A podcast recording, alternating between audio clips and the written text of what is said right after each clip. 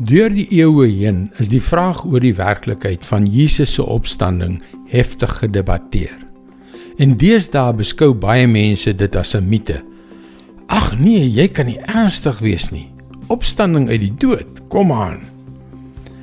Hallo, ek is Jockey Gouchee vir Bernie Diamond en welkom weer by Vars. Maar weet jy daar is vandag baie goeie mense wat hulself Christene noem wat nie in die fisiese opstanding van Jesus glo nie en dit heeltemal verwerp. Ander Christene vind dit weer so vreemd, so ver buite hul verwysingsraamwerk, so bonatuurlik dat hulle dit eenkant toe skuif. Ek wil regtig nie daaraan dink nie. Dit is egter niks niets nie. Trouwens dit kom al 'n lang pad. Dit het alles begin kort nadat Jesus op aarde geleef het, gekruisig is en weer opgestaan het.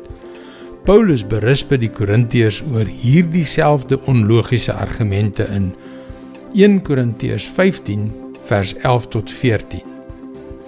In elk geval, of dit ek is of hulle, dit is wat ons verkondig en dit is wat julle geglo het.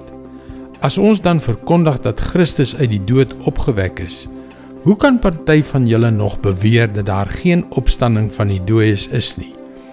As daar geen opstanding van die dooies is nie, beteken dit dat Christus ook nie opgewek is nie. En as Christus nie opgewek is nie, is ons prediking sonder inhoud en julle geloof ook sonder inhoud. Dit is baie reguit gestel, nê?